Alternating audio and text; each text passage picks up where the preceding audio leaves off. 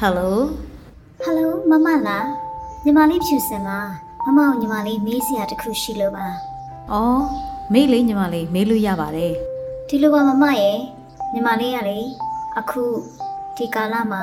စိတ်တရားလဲဟိုရောက်ဒီရောက်နေတနေ့တနေ့လဲနေရတာမပြောဘူးပြီးတော့ပညာရက်တစ်ခုခုကိုလေအရန်သင်ကျင်တယ်ဘယ်ကနေစရမှန်းလည်းမသိဘူးအဲ့ဒါမမတို့ရဲ့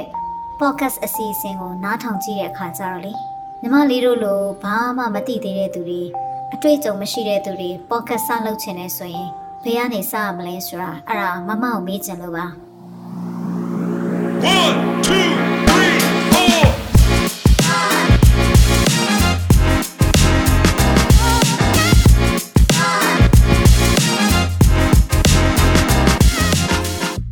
မင်္ဂလာပါရှင်ရေရေမုံမုံပို့ပို့ပပရဲ့ အပတ်စဉ်ပုတ်တခုနေ့မနေ့10နာရီတိုင်းတင်ဆက်နေကြဖြစ်တဲ့စက်သစ္စာလူငယ်ကဏ္ဍကနေကြိုဆိုလိုက်ပါရယ်ဒီ podcast ကတော့မြမလူမှုနယ်ပယ်ကစိတ်အားတက်ကြွပွဲဇလန်းစုံကိုအများသူငါကိုမတန်ဆွမ်းမှုအသိပညာမြင့်တင်ပေးဖို့အတွက်လွတ်လပ်တဲ့တွေးခေါ်ဆင်ခြင်နိုင်မှုတွေနဲ့မျှဝေလိုကြသူတွေရဲ့အသံတွေကိုပြုစုပြောင်းထောင်ဖို့တည်ထောင်ထားခြင်းဖြစ်ပါတယ် ညီမကလေအင်္ဂလိပ်စာလဲအတန်အသင့်ရေးတတ်ဖတ်တတ်ပါတယ်မမဘွဲမရသေးဘူးဆိုပေမဲ့စာဖတ်အားတော့ရှိပါတယ်တခြားအင်္ဂလိပ်စာနဲ့ပတ်သက်ပြီးတော့လေကိုယ့်ဟာကိုယ်ဆက်ပြီးလေ့လာနေရတယ်တော့ရှိပါတယ်ဒါပေမဲ့ညီမလေးကလေဘယ်လိုပုံစံမျိုးကိုလုပ်ချင်တဲ့အကြောင်းအရာလေးတွေကို podcast စပြီးလုပ်လို့ရမလဲဆိုတာ idea မသိလို့ပါအရန်ကောင်းတဲ့မေးခွန်းပါပဲညီမလေးရဲ့အာအရင်ဆုံး podcast စလုပ်တယ်ဆိုတာထက် ညီမလေးကဘယ်လိုမျိုး podcast တွေကိုဖန်တီးဖို့စိတ်ဝင်စားရလဲဆိုတာအမသိချင်တယ်အဲ့ဒါသိမှအမကပြန်ပြီးတော့ညီမလေးကိုအကြံပေးလို့ရမှာလေ။အော်ဟုတ်တာပဲ။ညီမတခုစဉ်းစားနေရအမရဲ့။အဲ့ဒါကလေညီမလေးတို့လိုလူငယ်တွေအခုချိန်မှာတော်တော်များများလမ်းပြောင်းနေကြတယ်မမရဲ့။နောက်တချို့ကလည်းလေနိုင်ငံခြားမှာအလုပ်သွားလုပ်ဖို့ဒါမှမဟုတ်လေကြောင်းသွားတက်ဖို့လုပ်နေကြတယ်။ညီမလေးတို့ကြတော့အဲ့ဒီလိုမျိုးလဲမလုံနိုင်ဘူးလေ။ဒီတော့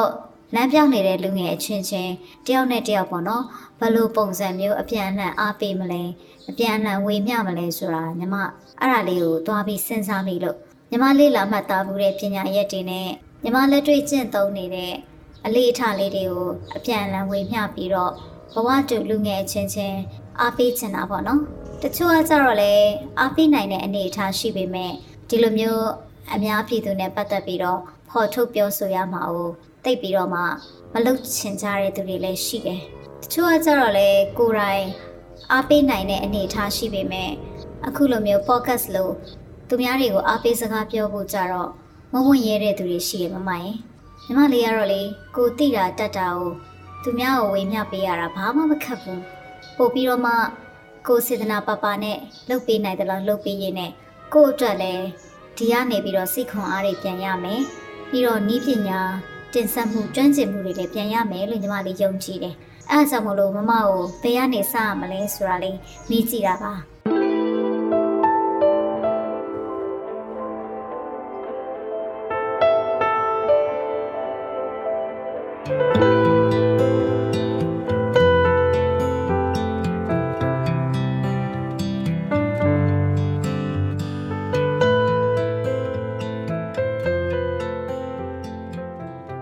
အော်ကောင်းပါပြီညီမလေးဒီမှာပြောပြမယ်နော်။ညီမလေးကအတွေ့အကြုံမရှိသေးဘူးဆိုပေမဲ့ညီမလေးမှာဝမ်းစာတော့ရှိတယ်လို့အမယုံကြည်တယ်။ဘာဖြစ်လို့လဲဆိုတော့အခုညီမလေးပြောသွားတဲ့အကြောင်းအရာတွေပေါ်မှာနားထောင်ခြင်းအပြင်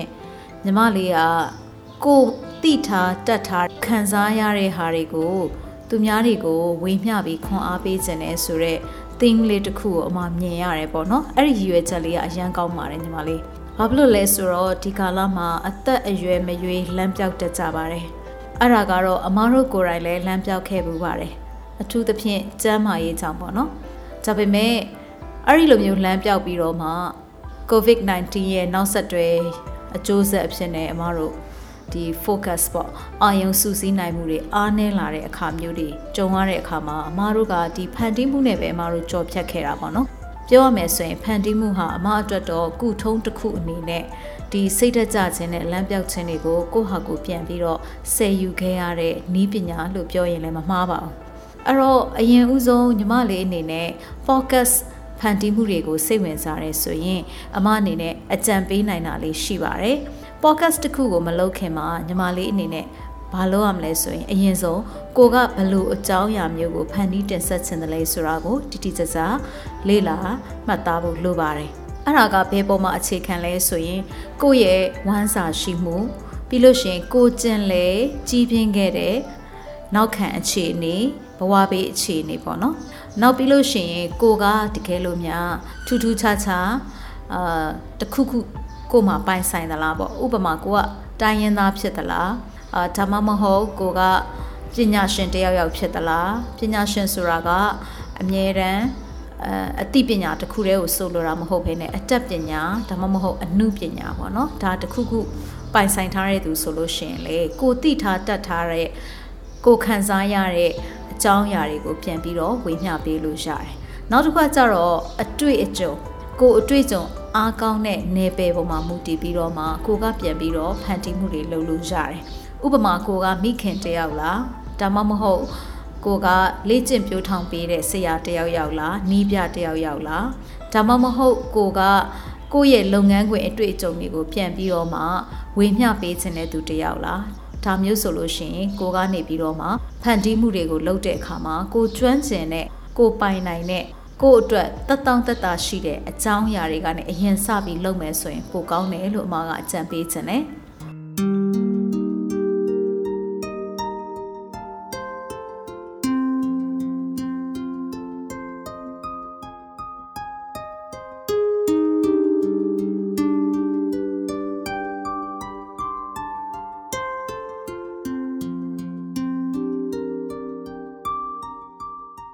နောက်တစ်ခုကကြတော့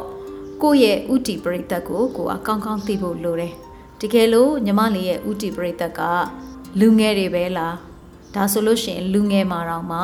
အသက်18နှစ်နဲ့35နှစ်ကြားလူငယ်လားဒါမှမဟုတ်ကလေးတငယ်အရွယ်အသက်18နှစ်အောက်တွေလားဒါမှမဟုတ်အများပြည်သူ public ပေါ့နော်အရွယ်မရွေးကိုဆိုလိုချင်တာလား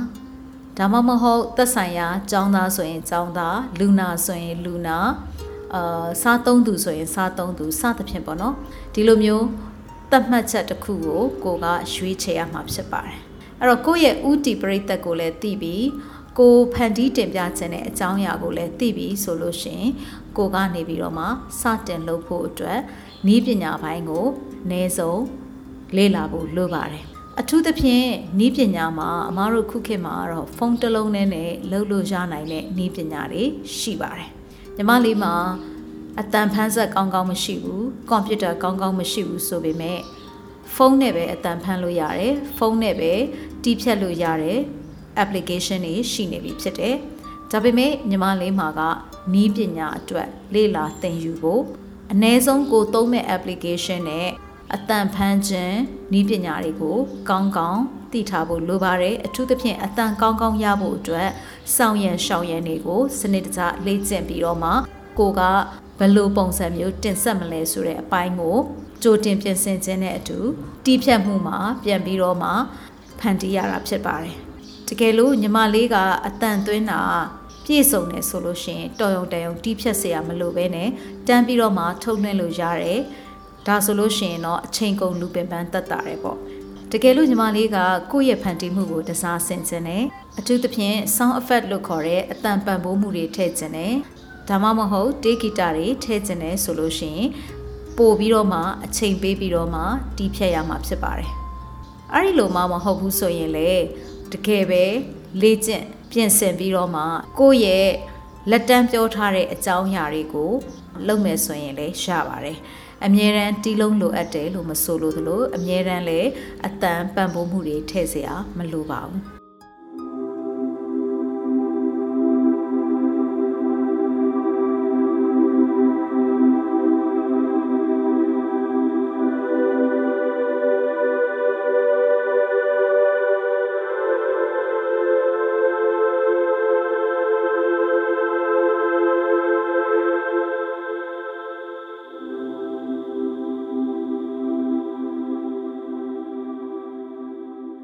အဓိကကတော့ကိုတင်ပြမဲ့အကြောင်းအရာကိုကိုကစနစ်တကျသိပြီဆိုလို့ရှိရင်ပြန်လည်ပြီးတော့မှရွေးချယ်မယ်ဥမာကိုတင်ပြမဲ့အကြောင်းအရာကအမျိုးသမီးနဲ့ပတ်သက်တဲ့အကြောင်းဒါမှမဟုတ်ကလေးတငယ်နဲ့ပတ်သက်တဲ့အကြောင်းဒါမှမဟုတ်ကျန်းမာရေးနဲ့ပတ်သက်တဲ့အကြောင်းဒီအကြောင်းအရာတွေသိပြီဆိုရင်ကိုကဘယ်လိုပုံစံမျိုးတင်ဆက်မှာလဲဘယ်နှမိနစ်စာလောက်ကိုကရည်ရွယ်ထားတယ်လဲဘယ်လိုမျိုးစိတ်ဝင်စားအောင်အသုံးနှုန်းတွေကိုရွေးသုံးမလဲ ဘယ်လိုမျိုးအစီအစဉ်တကြအဆင့်ဆင့်နားလေသဘောပေါက်အောင်တင်ဆက်ပြောဆိုမလဲဆိုတာကိုလည်းတည်တည်ချာချာရေးသားလေ့ကျင့်ပြီးတော့မှအထက်ထက်ပြင်ဆင်ရမှာဖြစ်ပါတယ်တကယ်လို့များကို့မှာနီးပညာနဲ့ပတ်သက်တဲ့ကုညီနိုင်တဲ့သူတယောက်ယောက်ရှိတယ်ဆိုရင်တော့သူနဲ့ကိုနဲ့နှစ်ယောက်တွဲပြီးတော့မှကိုယ့်ရဲ့တင်ဆက်မှုနဲ့ သူ့ရဲ့ဖန်တီးမှုကိုပေါင်းစပ်ပြီးတော့မှလည်း podcast အစီအစဉ်တွေကိုပူးတွဲထုတ်လွှင့်လို့ရပါတယ်။ဥပမာ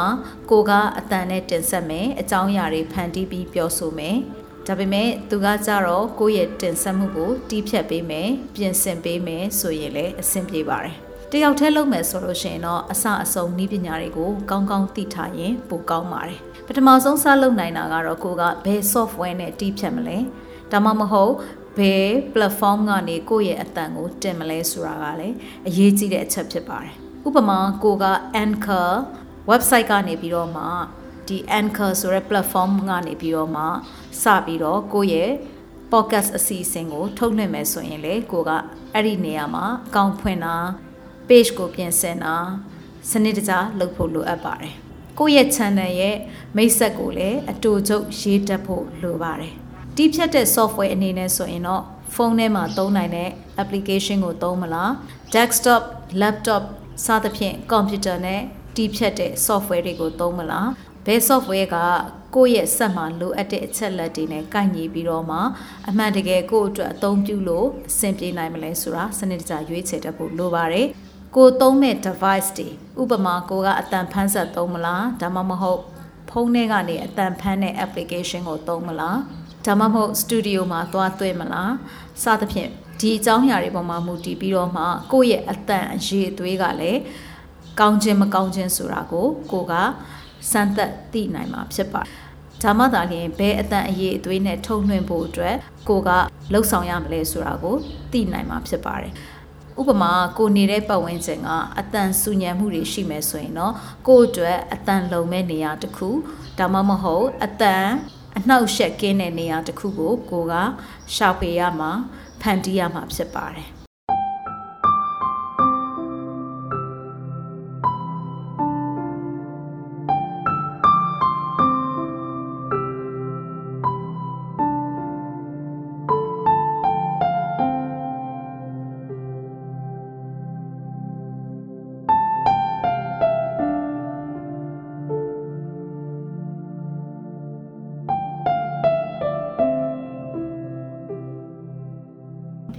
တန်တင်ဆက်မှုအပိုင်းအနေနဲ့ပတ်သက်ပြီးတော့မှလည်းစနစ်တကျလေ့လာတတ်ဖို့အတွက်အထူးသဖြင့်အတန်တင်ဆက်တဲ့နည်းပညာတွေကို online မှာရှောက်ပြီးလေ့လာဖို့လိုပါတယ်။ podcast ရဲ့အဓိကကတော့ friendly ပေါ့နော်။အရင်းရင်းနီးနီးခင်ခင်မင်မင်နဲ့ပြောဆိုတင်ဆက်ခြင်းကအရေးကြီးပါတယ်။အာတအားကြီးရိုးကြိုးယဉ်ကျေးနေစရာမလိုဘဲနဲ့ပုံမှန်ကိုတင်ဆက်တတ်တဲ့အနေအထားအတိုင်းကိုပြောဆိုတတ်တဲ့လေယူလေသိန်းအတိုင်း ပြောလို့ရတယ်ကိုယ့်ရဲ့ဥတီပရိသတ်ပေါ်မှာမူတည်ပြီးတော့လေကိုယ့်ရဲ့တင်ဆက်မှုပုံစံတွေကိုအာယဉ်နှီးမှုပျော်ရွှင်မှုစသဖြင့်ဆက်ပြီးတော့မှအနေအမြင့်ဒီဂရီအလိုက်ကိုကတင်ဆက်လို့ရပါတယ်ဥပမာကိုကခလေးတွေကိုတင်ဆက်မယ်ဆိုရင်ကိုကမမဆိုတဲ့နေရာကနေပြီးတော့တင်ဆက်တယ်ကိုက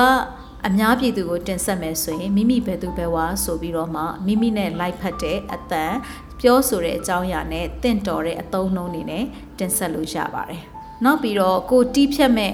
application တွေကိုလည်းဘယ်လိုပုံစံမျိုးအသုံးပြုရလဲအထူးသဖြင့်အခြေခံကြတဲ့ကိုယ့်အထဲမှာအတန်အနှောက်အယှက်တွေပါလာရင်ဘယ်လိုလျှော့မလဲပြီးလို့ရှိရင်ကိုယ့်ရဲ့အတန်ကိုဘယ်လိုကောင်းကောင်းဖမ်းယူနိုင်မလဲဒီဖမ်းထားတဲ့အတန်ကိုပို့ပြီးတော့မှနားထောင်ကောင်းအောင်ဘယ်လိုပြန်တီးဖြတ်မလဲအမားတွေကိုဘယ်လိုပြန်ပြီးတော့မှဖာထေးပြုတ်ပြင်မလဲ လိုအပ်တဲ့နေရာတွေမှာဖြတ်ညှက်ကပ်ပေါ့နော်ကိုထည့်ပြီးတော့မှတင်ဆက်ခြင်းတဲ့အကြောင်းအရာတွေကိုအတန်အားဖြင့်စီစဉ်ရတဲ့အခါမှာဒီသုံးပြုရမယ့် software ကကျွမ်းကျင်မှုရှိဖို့လိုသလိုအလေးအကျင့်များများရဖို့အတွက်လည်းကိုကအချိန်ပေးပြီးတော့မှလေ့လာလုပ်ဖို့လိုအပ်ပါတယ်တကယ်လို့ကိုကငကိုရဲကအချိန်မပေးနိုင်ရင်အတန်မှာအမှားအနည်းဆုံးနဲ့အရေးအသွေးအကောင်းဆုံး ပြောဆိုတင်ဆက်တဲ့အကြောင်းအရာမှာလည်းစိတ်ပါဝင်စားစွာနဲ့တစ်ဖက်သားနားလည်လွယ်မဲ့အနေအထားမျိုးကိုကိုကပြည့်ပြည့်စုံစုံတင်ဆက်နိုင်နေဆိုရင်တီးဖြတ်เสียမလိုပဲနဲ့လေတန်းပြီးတော့ထုတ်လွှင့်လို့ရမှာဖြစ်ပါတယ်ဒါပေမဲ့ဒီအဆင့်ဟာဆက်ဆချင်းလေးကျင့်လှုပ်ဆောင်တဲ့သူတွေအတွက်တော့အလှမ်းဝေပါသေးတယ်ဒါပေမဲ့လည်းအလေးအကျင့်ကောင်းတွေကနေပြီးတော့မှပြည့်ပြည့်စုံတဲ့တင်ဆက်မှုတစ်ခုဖြစ်အောင်ကူညီပေးမှာဖြစ်ပါတယ်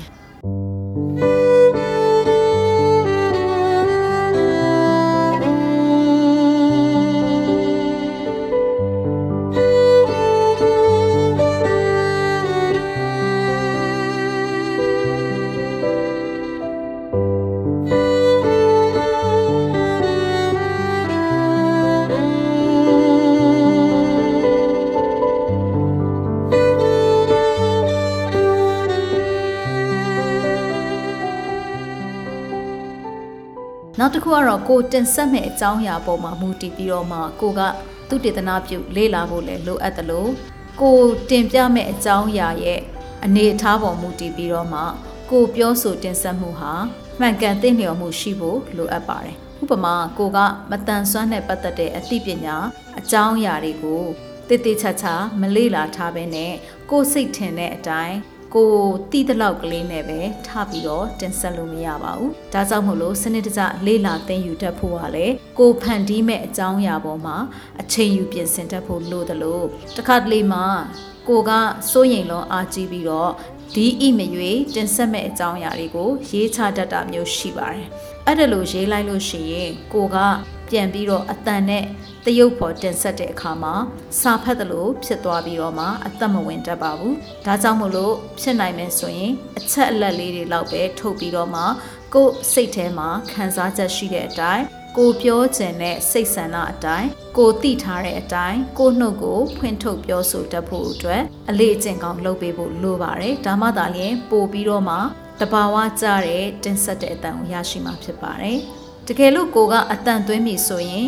အတန်မသွင်းခင်မှာလည်းကိုယ့်ရဲ့ပတ်ဝန်းကျင်မှာဘလို့အတန်မျိုးတွေအနှောက်အယှက်ဖြစ်နေနိုင်တယ်လေဥပမာပန်ကာဖွင့်ထားလားအဲကွန်ဖွင့်ထားလားအတန်ထွက်နိုင်တဲ့နာယီ TV ရေဒီယိုဖုန်းအစရှိတဲ့ပစ္စည်းတွေအနားမှာအနှောက်အယှက်ပေးနေသလားရေစက် motor hair dryer အစရှိတဲ့အတန်ထွက်နိုင်တဲ့ဟာတွေဖွင့်ထားမိသလားဒါတွေကိုစနစ်တကျစစ်ဆေးပြီးတော့မှကိုယ့်ရဲ့အတန်ကို အရင်ဆုံးအစမ်းတစ်ခေါက်ဖမ်းကြည့်ပြီးပြန်နှားထောင်သင့်ပါတယ်ကိုယ့်ရဲ့လေးယူလေးသိမ်းမိုက်နဲ့အကွာအဝေးအနေအထားပြီးလို့ရှိရင်ကိုတင်ဆက်ပြောဆိုတဲ့စကားအသုံးနှုန်းတွေကအစားကိုကစနစ်တကျနဲ့လုံနိုင်မှာဖြစ်ပါတယ်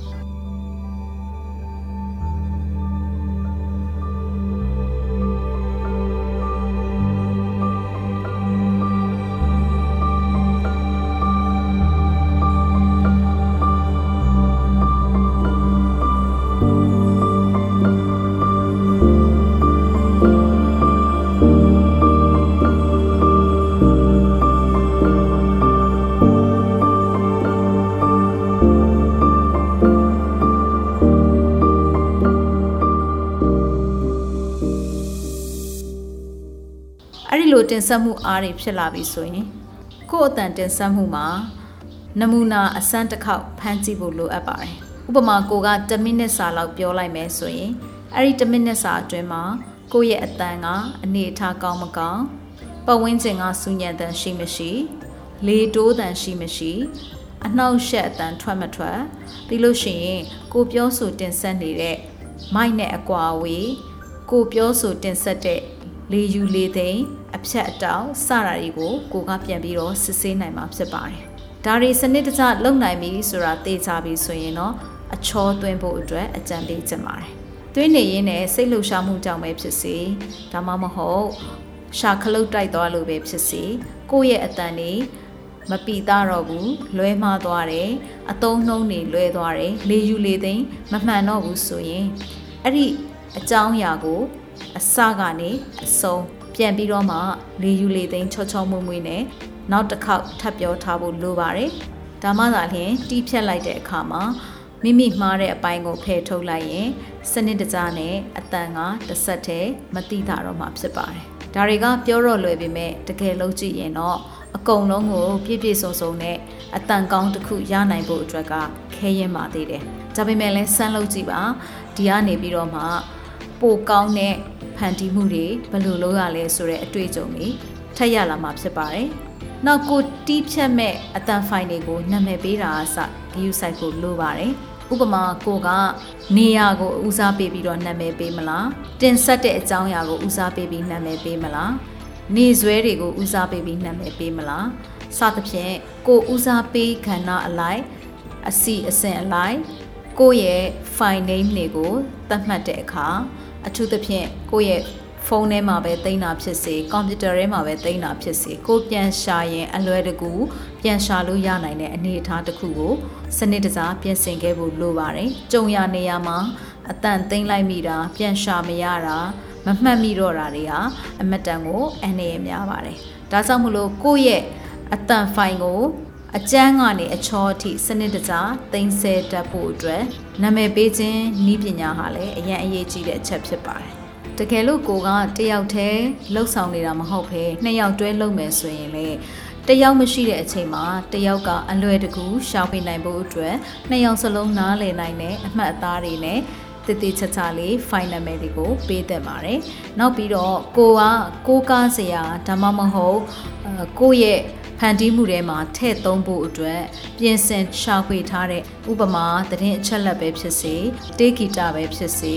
အဲသူများစီကရထားတဲ့အသံဖိုင်ပဲဖြစ်စေဒါတွေကိုလည်း folder လေးတွေတည်တံ့ဆောက်ပြီးတော့မှစနစ်တကျတင်တက်မယ်ဆိုရင်အလွယ်တကူနဲ့မပြောက်မပြတ်ဖဲနဲ့ထိမ့်သိမ့်နိုင်မှာဖြစ်ပါတယ်။။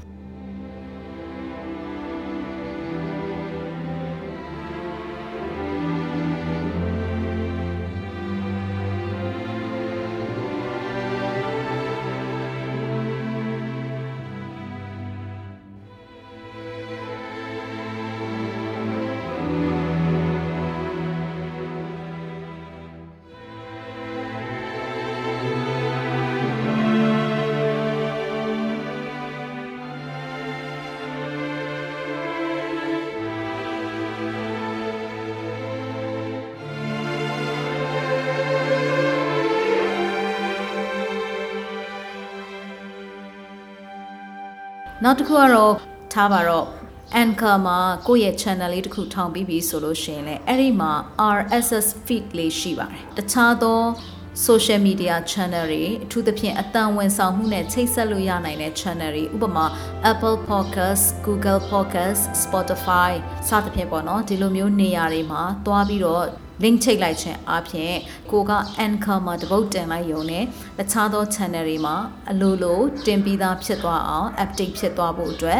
RSS နဲ့ link ချိတ်ထားဖို့လိုအပ်ပါတယ် Facebook မှာလည်း podcast နဲ့ပတ်သက်တဲ့ RSS နဲ့ link ချိတ်နိုင်တဲ့နေရာလေးတစ်ခုရှိပါတယ်။အဲ့ဒီနေရာမှာကိုယ့်ရဲ့ Anchor ဘက်မှာရှိတဲ့ RSS link ကိုတွားပြီးတော့ချိတ်ထားပေးခြင်းအပြင် Facebook နဲ့ဒီ Anchor link နဲ့ကိုတစ်ဆက်တည်းအလုပ်လုပ်စီမှာဖြစ်ပါတယ်။တကယ်လို့ကိုကအတန်ဖိုင်ကိုတော့အချောထုတ်ပါပြီဒါပေမဲ့အတန်ဖိုင်တွေမှာဘာလို့အပ်လဲဆိုရင် cover photo လေးတွေထည့်နိုင်မယ်ဆိုရင်ပိုကောင်းပါတယ် Anchor မှာဆိုလို့ရှိရင် cover photo မထည့်နိုင်ရင်သူကကိုပေးထားတဲ့ logo ကိုအမြဲတမ်း cover အနေနဲ့သူကပြင်ဆင်ပေးပါတယ်တကယ်လို့ cover ကိုတီးသန့်ပြင်ဆင်ခြင်းနဲ့ဆိုရင်တော့ Canva လို့အများသုံးလို့ရတဲ့ဒီ graphic တွေအလွယ်တကူ Photoshop တွေအားလုံးတနေရာထဲမှာစုံပြီးလုပ်လို့ရနိုင်တဲ့ website မှာတွားပြီးတော့ account လုပ်ပြီးတော့မှကိုကိုယ်တိုင်ကိုယ့်ရဲ့ကိုယ်ပိုင် logo design တွေ ကိုယ်ပိုင် cover design တွေကိုဖန်တီးပြီးတော့မှကိုတင်ဆက်တဲ့အပုတ်တိုင်းမှာထည့်ပေးဖို့လိုအပ်ပါတယ်။များသောအားဖြင့်တော့1-1 ratio နဲ့ student ပုံစံ cover တွေကိုကိုကပြန်ပြီးတော့အသက်လဲလှယ်ပြီးတပုတ်ချင်းစီမှာတက်နိုင်ပါတယ်။ဒီလို cover တွေနဲ့ Anchor channel မှာ podcast လုပ်ပြီးပြီဆိုရင်လေကိုကတကယ်လို့များ YouTube Facebook, Instagram, Twitter, LinkedIn အစရှိတဲ့ social media နေရာမျိုးတွေမှာပြန်ပြီးတော့မှ share ကြတယ်ဆိုလို့ရှိရင်လေသက်ဆိုင်ရာ episode လိုက် post တွေသွားပြီးတော့တင်နိုင်ပါတယ်ဒါပေမဲ့ Twitter မှာကတော့ဗီဒီယိုအနေနဲ့အသံဖိုင်ကိုတင်မယ်ဆိုလို့ရှိရင်2မိနစ်နဲ့20စက္ကန့်ဝန်းကျင်ပဲသူကလက်ခံတာဖြစ်တဲ့အတွက်ဘာလုပ်လို့ရလဲဆိုရင် teaser လို့ခေါ်တဲ့အမည်ပေးတဲ့ post လေးတွေကို 2မိနစ်အောက်အတွင်းပြင်ဆင်ပြီးတော့တင်ပေးနိုင်မယ်ဆိုရင်ပိုကောင်းပါတယ်။ဒါကြောင့်မလို့အမားတို့ရေရေမောမောပေါပေါပပ podcast ကဆိုလို့ရှိရင်အမြဲတမ်း teaser လို့ခေါ်တဲ့အမည်လေးတွေကိုတင်ပြီးတော့မှတကယ် episode တွေထွက်လာတဲ့အချိန်မှာလာရောက်နားထောင်ဖို့အတွက်ကြိုတင်ဖိတ်ခေါ်ပေးလေးရှိတာဖြစ်ပါတယ်။ဒီလောက်သိပြီဆိုရင်တော့ညီမလေးအနေနဲ့ podcast တစ်ခုကိုစလုပ်ဖို့အတွက်ခြေလှမ်းပြင်လို့ရပါပြီ။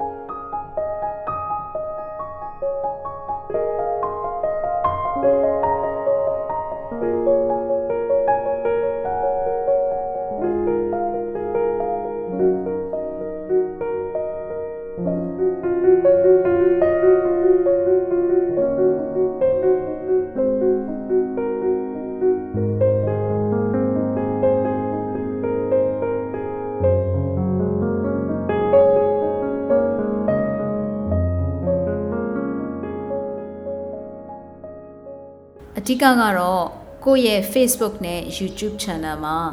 အမာကန်ပရိသတ်တွေတိစောက်ချင်နေဆိုရင်တော့အနည်းဆုံးတစ်ပတ်တစ်ပုတ်လောက်10ရက်တစ်ပုတ်လောက်လွှင့်ပေးနိုင်မယ်ဆိုရင် ပို့ပြီးတော့ကောင်းပါတယ်။ဘလို့အကြောင်းအရာတွေကလူတွေစိတ်ဝင်စားလွယ်လဲဆိုလို့ရှိရင်တော့ဒီကာလအတွင်းမှာက တယောက်နဲ့တယောက်ခံစားချက်တိုက်ဆိုင်စေတဲ့အကြောင်းအရာလေးတွေကိုလည်းတွေ့ကြုံခဲ့ဘူးတယ်။သူလည်းတွေ့ကြုံနေစေဖြစ်မဲ့အကြောင်းအရာမျိုးလေးတွေကပို့ပြီးတော့မှပြိသက်နဲ့ရင်းရင်းနှီးနှီးထိတွေ့နိုင်မှာဖြစ်ပါတယ်။တကယ်လို့များညီမလေးကတငယ်ချင်းတွေဓမ္မမဟုတ်တခြားသောဧည့်သည်တင်ဆက်သူတွေနဲ့ ပူးတွဲတင်ဆက်မယ်ဆိုရင်လည်းပို့ပြီးတော့မှမြိုင်ဆိုင်တဲ့မတူညီတဲ့ဖန်တီးမှုအသစ်တွေထပ်ထွက်လာနိုင်တယ်။ဒါမှမဟုတ်အမားတို့ MC network မှာလည်းလာရောက်ပူးပေါင်းပြီးတော့တင်ဆက်ချင်တယ်ဆိုလို့ရှိရင်အမားတို့စီမှာပါဝင်နိုင်တဲ့ကဏ္ဍတွေရှိပါတယ်။အဲ့ဒါကတော့ intent ဆိုတဲ့အလုပ်တင်အဖြစ်နဲ့လည်းပါဝင်နိုင်တယ်။ဒါမှမဟုတ်ညီမလေးကအလုပ်တင်အဖြစ် host အနေနဲ့ program တွေကိုအစားအဆုံးမဖန်တီးနိုင်ဘူးမတင်ဆက်နိုင်ဘူးဆိုရင်လေကိုကအပြောဆိုပိုင်းမှာအားတာရဲဆိုရင်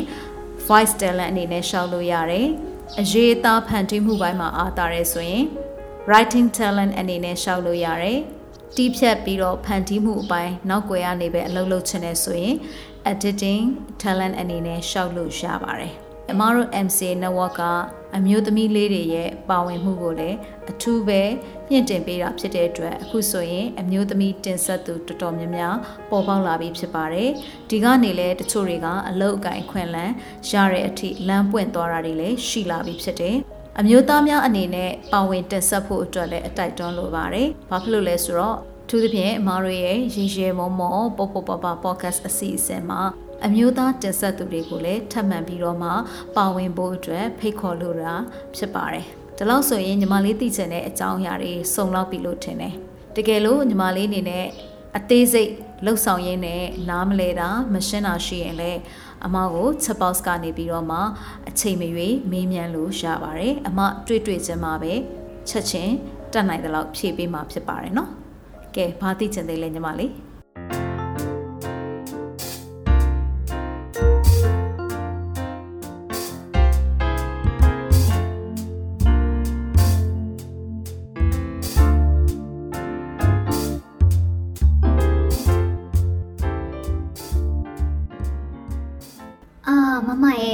ရဲ့မမပြောလိုက်မှလေညီမလေးဘာတွေလုပ်ရမလဲဘယ်လိုတွေပြင်ဆင်ရမလဲဆိုတာသိသွားပြီပေါ့နော်ကျေးဇူးတင်တယ်မမဒါနဲ့လေညီမလေးတစ်ခုသိချင်တာကလေအဲ့ဒီလိုမျိုး software တွေပြင်ဆင်မှုတွေကိုလေ့လာဖို့အတွက်ညီမလေးကဘယ်ကသွားဖတ်ရမှာလဲမမလမ်းညွှန်ပေးလို့ရလား။အော်ရတာပေါ့ညီမလေးရဲ့ဘာလို့မရမှာလဲ။တကယ်တော့ဒီနေ့ခေတ်မှာအမားတို့ကလေဘဲမှအထုတလဲသွားပြီးတော့ရှာစရာမလိုဘူး။ အမားတို့ရဲ့လက်ထဲမှာရှိတဲ့ဟောဒီ mobile phone တွေဒါမှမဟုတ် computer တွေကနေပြီးတော့မှ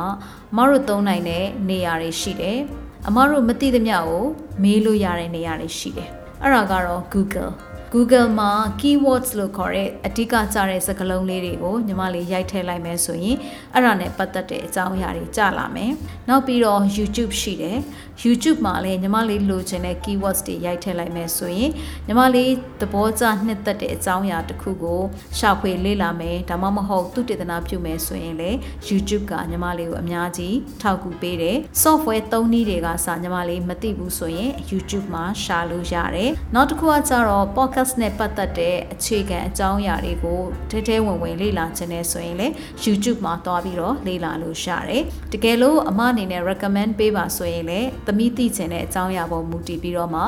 အမတို့သဘောကျနှစ်ချိုက်တဲ့ကြည်လေးကြည်ထားရှိတဲ့ channel တွေ website တွေကိုအမတို့ညွှန်ပေးလို့ရတယ်။နောက်တစ်ခုကကျတော့အမအားပေးချင်တာက self study ပေါ့နော်။အာအမတို့ကိုမေးလို့ရတယ်ဆိုပေမဲ့အမတို့ကသဘောတရားကိုပဲပြောနိုင်မှာဖြစ်တယ်။ ကိုယ်တိုင်လေ့ကျင့်သင်ယူခြင်းနဲ့ကိုယ်တိုင်အထက်ထက်အခါခါစ조사အားထုတ်ခြင်းဟာကိုယ့်အတွက်အဓိကကျတဲ့ဆရာတစုဖြစ်တယ်။ podcast အစီအစဉ်တစ်ခုဟာလှုပ်တက်ရင်လွယ်သလောက်မလှုပ်တက်သေးရင်ခက်ပါတယ်။ဒါပေမဲ့အဲ့ဒီခတ်တာကိုလွယ်တာပြောမဲ့လူကိုထိုင်ဆောင်လို့မရပါဘူး။ကိုကိုယ်တိုင်ကလွယ်အောင်ဘယ်လိုလုပ်မလဲဆိုတဲ့နီလန်းကိုအထက်ထက်လေးလာမှတ်သားပြီးတော့လေ့ကျင့်သင်ယူတတ်ဖို့လိုပါတယ်။အဲ့ဒီဟာလေးတစ်ချက်ကိုတော့အမအနေနဲ့ အားပေးခြင်းနဲ့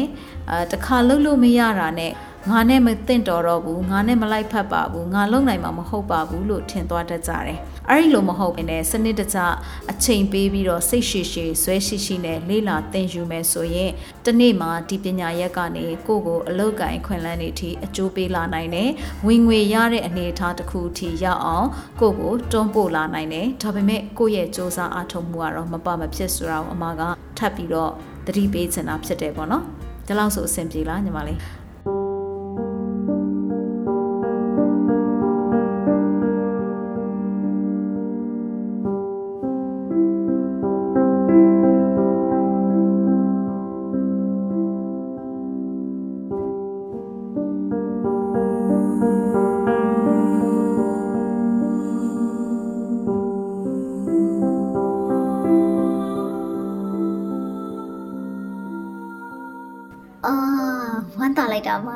ကျေးဇူးတင်လိုက်တာအဆင်ပြေတယ်အမအဆင်ပြေတယ်တခုပဲညီမလေးကလေတချို့စကလုံးတွေနီးပညာပိုင်းပေါ့နော်နီးပညာပိုင်းနဲ့ပတ်သက်တဲ့စကလုံးတွေမသိဘူးဆိုရင်ညီမလေးကဘယ်လိုပုံစံမျိုးအဲ့ဒါကိုနားလည်အောင်လုပ်ရမလဲအော်ဟုတ်တယ်နီးပညာနဲ့ပတ်သက်တဲ့စကားလုံးတွေကတော့ပါတတ်ပါတယ်အထူးသဖြင့်တော့ဒါကို technical terms လို့ခေါ်ရပေါ့နော်ဖန်တီးမှုမှာလည်းဖန်တီးမှုအလျောက်ရှိပါတယ်အဲ့တော့ဒီစကားလုံးတွေကိုမသိဘူးဆိုရင်ကိုမသိတဲ့စကားလုံးကို Google မှာသွားပြီးတော့သူ့ရဲ့အသေးစိတ်အတိတ်ပဲကိုလိုက်ရှာဖတ်လို့ရတယ်တကယ်လို့ညီမလေးကဘာသာစကားအားနေတယ်ဆိုလို့ရှိရင်လည်းကိစ္စမရှိဘူး Google မှာ translation လုပ်လို့ရတဲ့နေရာရှိတယ် Google Translate မှာသွားပြီးတော့မှစလုံးရေ9000အတွင်းမှာသွားပြီးတော့ဖတ်လို့ရပါတယ်အဲ့တော့ Google Translate ကတော့မြန်မာဘာသာအနေနဲ့ဆိုရင်ရာဂိုင်နှုန်းအပြည့်တော့အတိအကျဘာသာမပြန်ပေးနိုင်သေးဘူးဒါပေမဲ့လို့ သဘောတရားကိုသိသွားမယ်အသုံးနှုန်းကိုမှတ်မိမယ်ပြီးလို့ရှိရင်အင်္ဂလိပ်လိုမျိုးအသေးစိတ်သူ့ရဲ့ဆိုလိုရင်းကို နားလည်အောင်ဖတ်မယ်ဆိုရင်တော့ဒီစကားလုံးအသုံးနှုန်းတွေဟာတဖြည်းဖြည်းနဲ့နားရင်လာပါလိမ့်မယ်အဲ့ဒီစကားလုံးတွေကိုမသိဘူးဆိုရင်လည်း YouTube မှာအဲ့ဒီစကားလုံးနဲ့ပတ်သက်တဲ့ keywords ကိုရိုက်ထည့်ပြီးရှာလိုက်လို့ရှိရင်အနည်းဆက်ဆုံးရှင်းပြမှုတွေလေ့လာလို့ရမှာဖြစ်တယ်။ ဒါလို့ဆိုရင်တော့ညီမလေးအနေနဲ့လည်းဘာသာစကားအခက်ခဲရောဤပညာအခက်ခဲရောကြော်လွှားပြီးသားဖြစ်မယ်လို့အမယုံကြည်တယ်။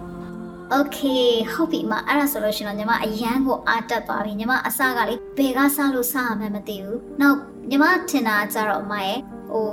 ဒီလိုလုပ်တယ်ဆိုတာကဟိုတင်တန်းအကြီးတွေတက်ဖို့ လိုတယ်လို့ထင်တာပေါ့နော်ဒါပေမဲ့ညီမ like ကြည့်တော့လေ focus နဲ့ပတ်သက်တဲ့တင်တန်းတွေကမတွေ့ဘူးမရဲ့အဲ့ဒါကြောင့်မလို့ညီမကဒါလေးကိုဘယ်လိုလုပ်ရင်ကောင်းမလဲဆိုတာအမကိုလာပြီးမေးကြည့်ရပါအခုလိုပြောပြပေးရတဲ့အတွက်လည်းအမကိုအရင်ကျေးဇူးတင်တယ်ညီမမသိတာရှိရင်လည်းမေးမယ်နော်အမနောက်အမတို့အနေနဲ့ရောညီမတို့လူငယ်တွေကိုဒီလိုမျိုး intern တို့ talent တို့ပဲခေါ်ပါလားညီမတို့သိကျင်တက်ချင်တာတွေရောတသက်တင်ပေးဖို့အစီအစဉ်မရှိဘူးလားအဲ့ဒါကလည်းတော်တော်များများတော့အမားတို့ကိုမေးဘူးပါတယ် ပြီးခဲ့တဲ့နှစ်ကတော့အမားတို့က podcast အစီအစဉ်ကိုစပြီးလောက်ခါစားဖြစ်တဲ့အတွက်အမားတို့ကိုယ်တိုင်ကလည်းလွန်ခဲ့တဲ့10နှစ်နီးပါးလောက်တည်းကဒီရေဒီယိုအတွေ့အကြုံနဲ့အစပြုပြီးတော့မှဒီဖန်တီးမှုလောကတွေကိုရောက်လာတာဖြစ်တဲ့အတွက်အမားတို့ကဒီ podcast ပေါ့နော်အတန်ထုတ်လွှင့်ခြင်းဒီ radio show တွေထုတ်လွှင့်ခြင်းနဲ့ပတ်သက်ပြီးတော့အမားတို့ဝါသနာလဲပါတယ်အာစ조사လေးလာပြီးတော့မှဖန်တီးပေါင်းဆက်ထားရတဲ့ပညာရက်တွေလည်းရှိတယ်ပေါ့ဥပမာအမားတို့ရုပ်ရှင်ဆိုရင်ရုပ်ရှင်နယ်ပယ်နဲ့ဒီအတန်ထုတ်လွှင့်ခြင်းနဲ့ဘယ်လိုပေါင်းဆက်မလဲအမားတို့စဉ်းစားတယ်မတန်ဆွမ်းနယ်ပယ်ဆိုရင်လည်းမတန်ဆွမ်းမှုရေးရနဲ့ဒီအတန်ထုတ်လွှင့်ခြင်းနဲ့ဘယ်လိုပေါင်းဆက်မလဲဆိုတာအမားတို့စဉ်းစားတယ်ပေါ့နော်အဲ့လိုမျိုးဆိုတော့ခုနောက်ပိုင်းဆိုလို့ရှိရင်အမားတို့ဒီအလုတ်တင်နေစွမ်းရည်ရှင်တွေတဖြည်းဖြည်း အင်အားရှိလာတာနဲ့အမျှအမားတို့ထပ်ပြီးတော့မှဒီလိုမျိုးပူပေါင်းဆောင်ရွက်ချင်တဲ့သူတွေဒါမှမဟုတ်လေ့လာသင်ယူချင်တဲ့သူတွေကိုလည်းအမားတို့လက်တွဲခေါ်ဖို့အစီအစဉ်တွေရှိပါတယ်အဲ့ဒါတွေကတော့လက်တလုံးမှာအာကြိုပြီးတော့မပြောပြနိုင်သေးပေမဲ့အမားတို့မှာအဲ့ဒီလိုအစီအစဉ်ကောင်းတွေလည်းရှိပါတယ်လို့ဒါကြောင့်မလို့ညီမလေးအနေနဲ့တစ်ချိန်ချိန်မှာတော့အမားတို့ MCA network နဲ့လက်တွဲပူးပေါင်းနိုင်တာလက်တွဲလေ့လာနိုင်တာ တင်ယူလေ့ကျင့်နိုင်တဲ့အနေအထားတွေရလာအောင်မှာပါလို့အမလောလောဆယ်ဒီလောက်ပဲပြောနိုင်သေးတယ်ပေါ့နော်။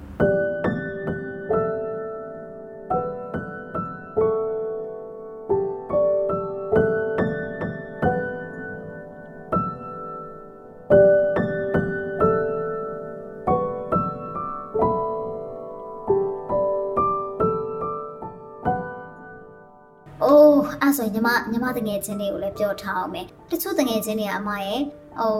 ဒီ podcast ဆိုတာကိုသူတို့ထင်တာကဟိုရှိပြီးသားစာတွေကိုဖတ်ပြတာအမျိုးလို့သူတို့ကထင်တာ။အော်မဟုတ်ဘူးညီမလေး။အဲ့ဒါကိုလည်းအမနည်းနည်းရှင်းပြအောင်မယ်။ရှိပြီးသားစာအုပ်တွေရေးပြီးသားအကြောင်းအရာတွေကို ပါတဲ့အတိုင်းဒီအီမရွေဖတ်ပြတာမျိုးကိုဒါက audio books လို့ခေါ်ရပေါ့နော်တော်တော်များများခုခေတ်မှာ audio books တွေခေတ်စားလာကြတယ်အမားတို့ဒီ podcast အစီအစဉ်ကတော့အမားတို့လှုပ်ဆောင်ခြင်းတဲ့အကြောင်းအရာတွေပေါ်မှာမူတည်ပြီးတော့မှကိုယ်ပိုင်ဖန်တီးမှုတွေ content creation တွေကိုယ်တိုင်လုပ်နိုင်အောင်လို့အမားတို့ကအားပေးတယ် လုံနိုင်တဲ့နီလန်းတွေကိုလည်းအမားတို့ကချပြပေးတယ်ပြီးလို့ရှိရင်အဲ့ဒီကနေလေ့ကျင့်သင်ယူပြီးတော့မှကိုလှုပ်ချင်တဲ့အကြောင်းအရာတစ်ခုကိုအစကနေအဆုံးအထိဘယ်လိုပုံစံမျိုးအဆင့်ဆင့်ကြော်ဖြတ်ပြီးလုပ်ရတယ်လဲဆိုတဲ့အတွေ့အကြုံတွေကိုရစေတယ်ပေါ့နော်လောလောဆယ်မှာတော့ကိုယ်တိုင်အစအဆုံးအအကြောင်းအရာရှာတာအတန်သွင်းတာတီးဖြတ်တာဒီဇိုင်းလုပ်တာလွှင့်တင်တာဝေမျှတာ စသဖြင့်ဒါမျိုးတွေအစအဆုံးမလုပ်နိုင်ပေမဲ့လည်းဒီထဲက steps တော်တော်များများအဆင့်တော်တော်များများကိုကိုယ်တိုင်လုပ်နိုင်ဖို့အတွက်လည်းအမားတို့ကအမြဲတမ်းလေ့ကျင့်သင်ကြားပေးပါတယ်။ဒါကတော့တယောက်နဲ့တယောက်လိုက်နာပြီးလှုပ်ဆောင်နိုင်တဲ့နှုံးပေါ်မူတည်တာပေါ့နော်။အမားတို့သင်ပေးတိုင်းတက်သွားပြီးအကုန်အသုံးချသလားဆိုတော့အဲ့လိုမျိုးအစအဆုံးလုပ်ပြီးတော့အကုန်အသုံးချနေတဲ့လူကတော့ရှားပါသေးတယ်။ဒါပေမဲ့အစအဆုံးလုပ်တဲ့နည်းတွေနဲ့ လုံနိုင်တဲ့အနေအထားတွေကိုအမားတို့ကတော့မချွတ်မချမ်းတင်ပြပေးထားတာဖြစ်တယ်။အဲ့တော့ကိုယ့်ရဲ့ကိုယ်ပိုင်ဖန်တီးမှုတွေလုပ်ချင်တယ်ဆိုရင်တော့အမားတို့ကအားပေးတယ်အစကနေအဆုံးထိတယောက်တည်းလုံနိုင်တဲ့အတွေ့အကြုံကိုယူထားပါဒါမှနောက်တစ်ချိန်ကိုကအလောက်ကင်ခွင်လန်းပွင့်လာတဲ့အချိန်မှာလဲကိုယ့်ကိုပညာစမ်းလို့ရမယ်။အော်ဘာဖြစ်လို့လဲဆိုတော့ကိုကအစအဆုံးသိထားတယ်အစအဆုံးအတွေ့အကြုံရှိထားတဲ့အတွက်သူများနဲ့ပေါင်းလို့ရင်ကိုနဲ့မတူတဲ့ကဏ္ဍတွေမှာ လက်တွဲလုပ်နေတဲ့သူတွေကိုလည်းကိုချင်းစာတတ်မယ်။ကိုယ့်ရဲ့အတွေ့အကြုံတွေနဲ့သူတို့ရဲ့အခက်အခဲတွေကိုစာနာနားလည်ပြီးဖြေရှင်းတတ်လာမယ်။အဲ့ဒါကဘာနဲ့မှမတူတဲ့အရေးချင်းတစ်ရက်ထပ်ပြီးတော့ရလာတာဖြစ်တယ်။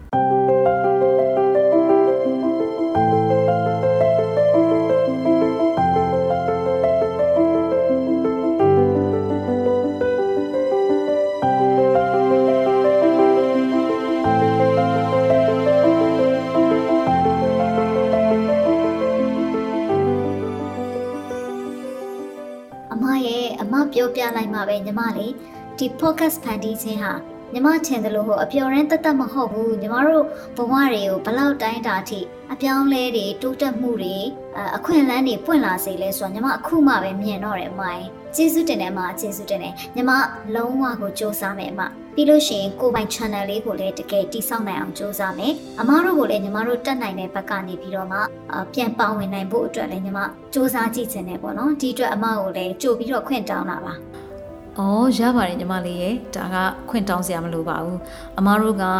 တင်ယူခြင်းစိတ်ရှိတဲ့လူငယ်တွေကိုအမြဲတမ်းလှမ်းဖွင့်ထားပါတယ်။နောက်တစ်ခုကကြတော့ကိုယ့်ရဲ့ကျွမ်းကျင်ရာနယ်ပယ်ခန္ဓာအသီးသီးမှာ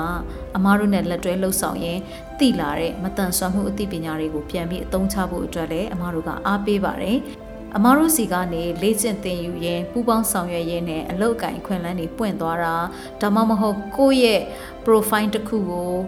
လူမှုကွန်ရက်ပေါ်မှာကောင်းကောင်းတည်ဆောက်နိုင်သွားတာဆိုရင်လည်းအမားတို့ကနောက်ဆက်တွဲနည်းပညာနဲ့အကြံဉာဏ်တွေဆက်ပြီးတော့ပံ့ပိုးပေးဖို့အတွက်ဝန်မလေးပါဘူး။ဒါကြောင့်မလို့ MCA network မှာအမြဲတမ်းအမားတို့ရဲ့ title လေးလိုပဲရေရေမောမောပေါ့ပေါ့ပပနဲ့ကြော်ဖြတ်နိုင်ဖို့အတွက်အမားတို့ကလူငယ်တွေကိုအမြဲတမ်းလက်တွဲကြိုးဆိုနေပါတယ်လို့ စကားပြောကောင်းလိုက်တာအမရဲ့ညီမတော့အရန်ကိုအားတက်သွားပြီဒီနေ့ညစပြီးတော့လေမမပြောတဲ့ website တွေမမပြောတဲ့အကြောင်းအရာတွေပေါ်မှာမူတည်ပြီးတော့ညီမ like ရှာမယ်လေ့ကျင့်မယ်ပြီးရင်ညီမအစမ်းတင်ဆက်ထားတာလေးကိုလည်းမမကိုလာပြီးပြမယ်နော်ကြိုးဆိုပါရညီမလေးရဲ့အစမ်းတင်ဆက်တာပဲဖြစ်ဖြစ်တကယ်ပဲထုတ်လုပ်တာပဲဖြစ်ဖြစ်ဤပညာအကြံဉာဏ်တွေယူချင်တယ်ဆိုရင်လေအမတို့ကပြန်ပြီးတော့မှညီမလေးရဲ့လက်ရာတွေအပေါ်မှာမှတ်ချက်ပြုပြီးတော့အပြုသဘောဆောင်တဲ့ဝေဖန်အကြံပေးမှုတွေလည်းလုပ်ပေးအောင်ပါပါ ဟုတ်ပါပြီညီမလေးဒီလောက်ဆိုရင်ညီမလေးလည်းသဘောပေါက်သွားပြီမလားအဲ့ဒါဆိုရင်အမစာတင်စရာနောက်ထပ် lecture တစ်ချိန်ရှိနေလို့အမကိုဒီလောက်နဲ့ပဲခွင့်ပြုအောင်နော်ညီမလေးညီမကိုအခုလိုစိတ်ရှိလက်ရှိနဲ့ဖြည့်ပေးတာအရန်ကိုကျေးဇူးတင်တယ်မညီမဒီညကစပြီးတော့မှလေ့လာပါမယ်မမတို့ MC နဝမှာလည်းပြန်ပြီးတော့မှညီမပါဝင်နိုင်အောင်ကြိုးစားပါမယ်လို့ဟုတ်ပါပြီညီမလေး God bless you နော်ဘိုင်ဘိုင်နော်မ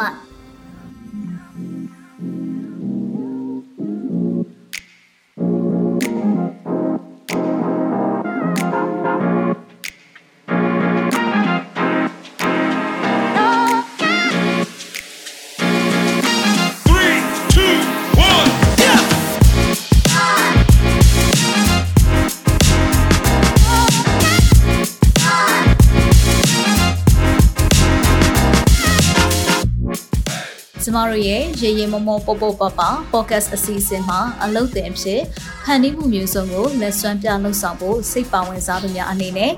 Google Form ကနေပြီးတော့မှမိမိတို့ရဲ့မှတ်ပုံတင်ရှင်းနှောင်းနဲ့အလှတက်ပုံတစ်ပုံအပြင်နမူနာလက်ရာတစ်ခုနဲ့အတူအမြင့်ဆုံးရှောက်ထားဖို့ဖိတ်ခေါ်လိုက်ပါရယ်။နောက်ပတ်ပုတ်တကူးနေ့မနက်10:00နာရီမှာပြန်ဆောင်ကြရအောင်နော်။ Thank you.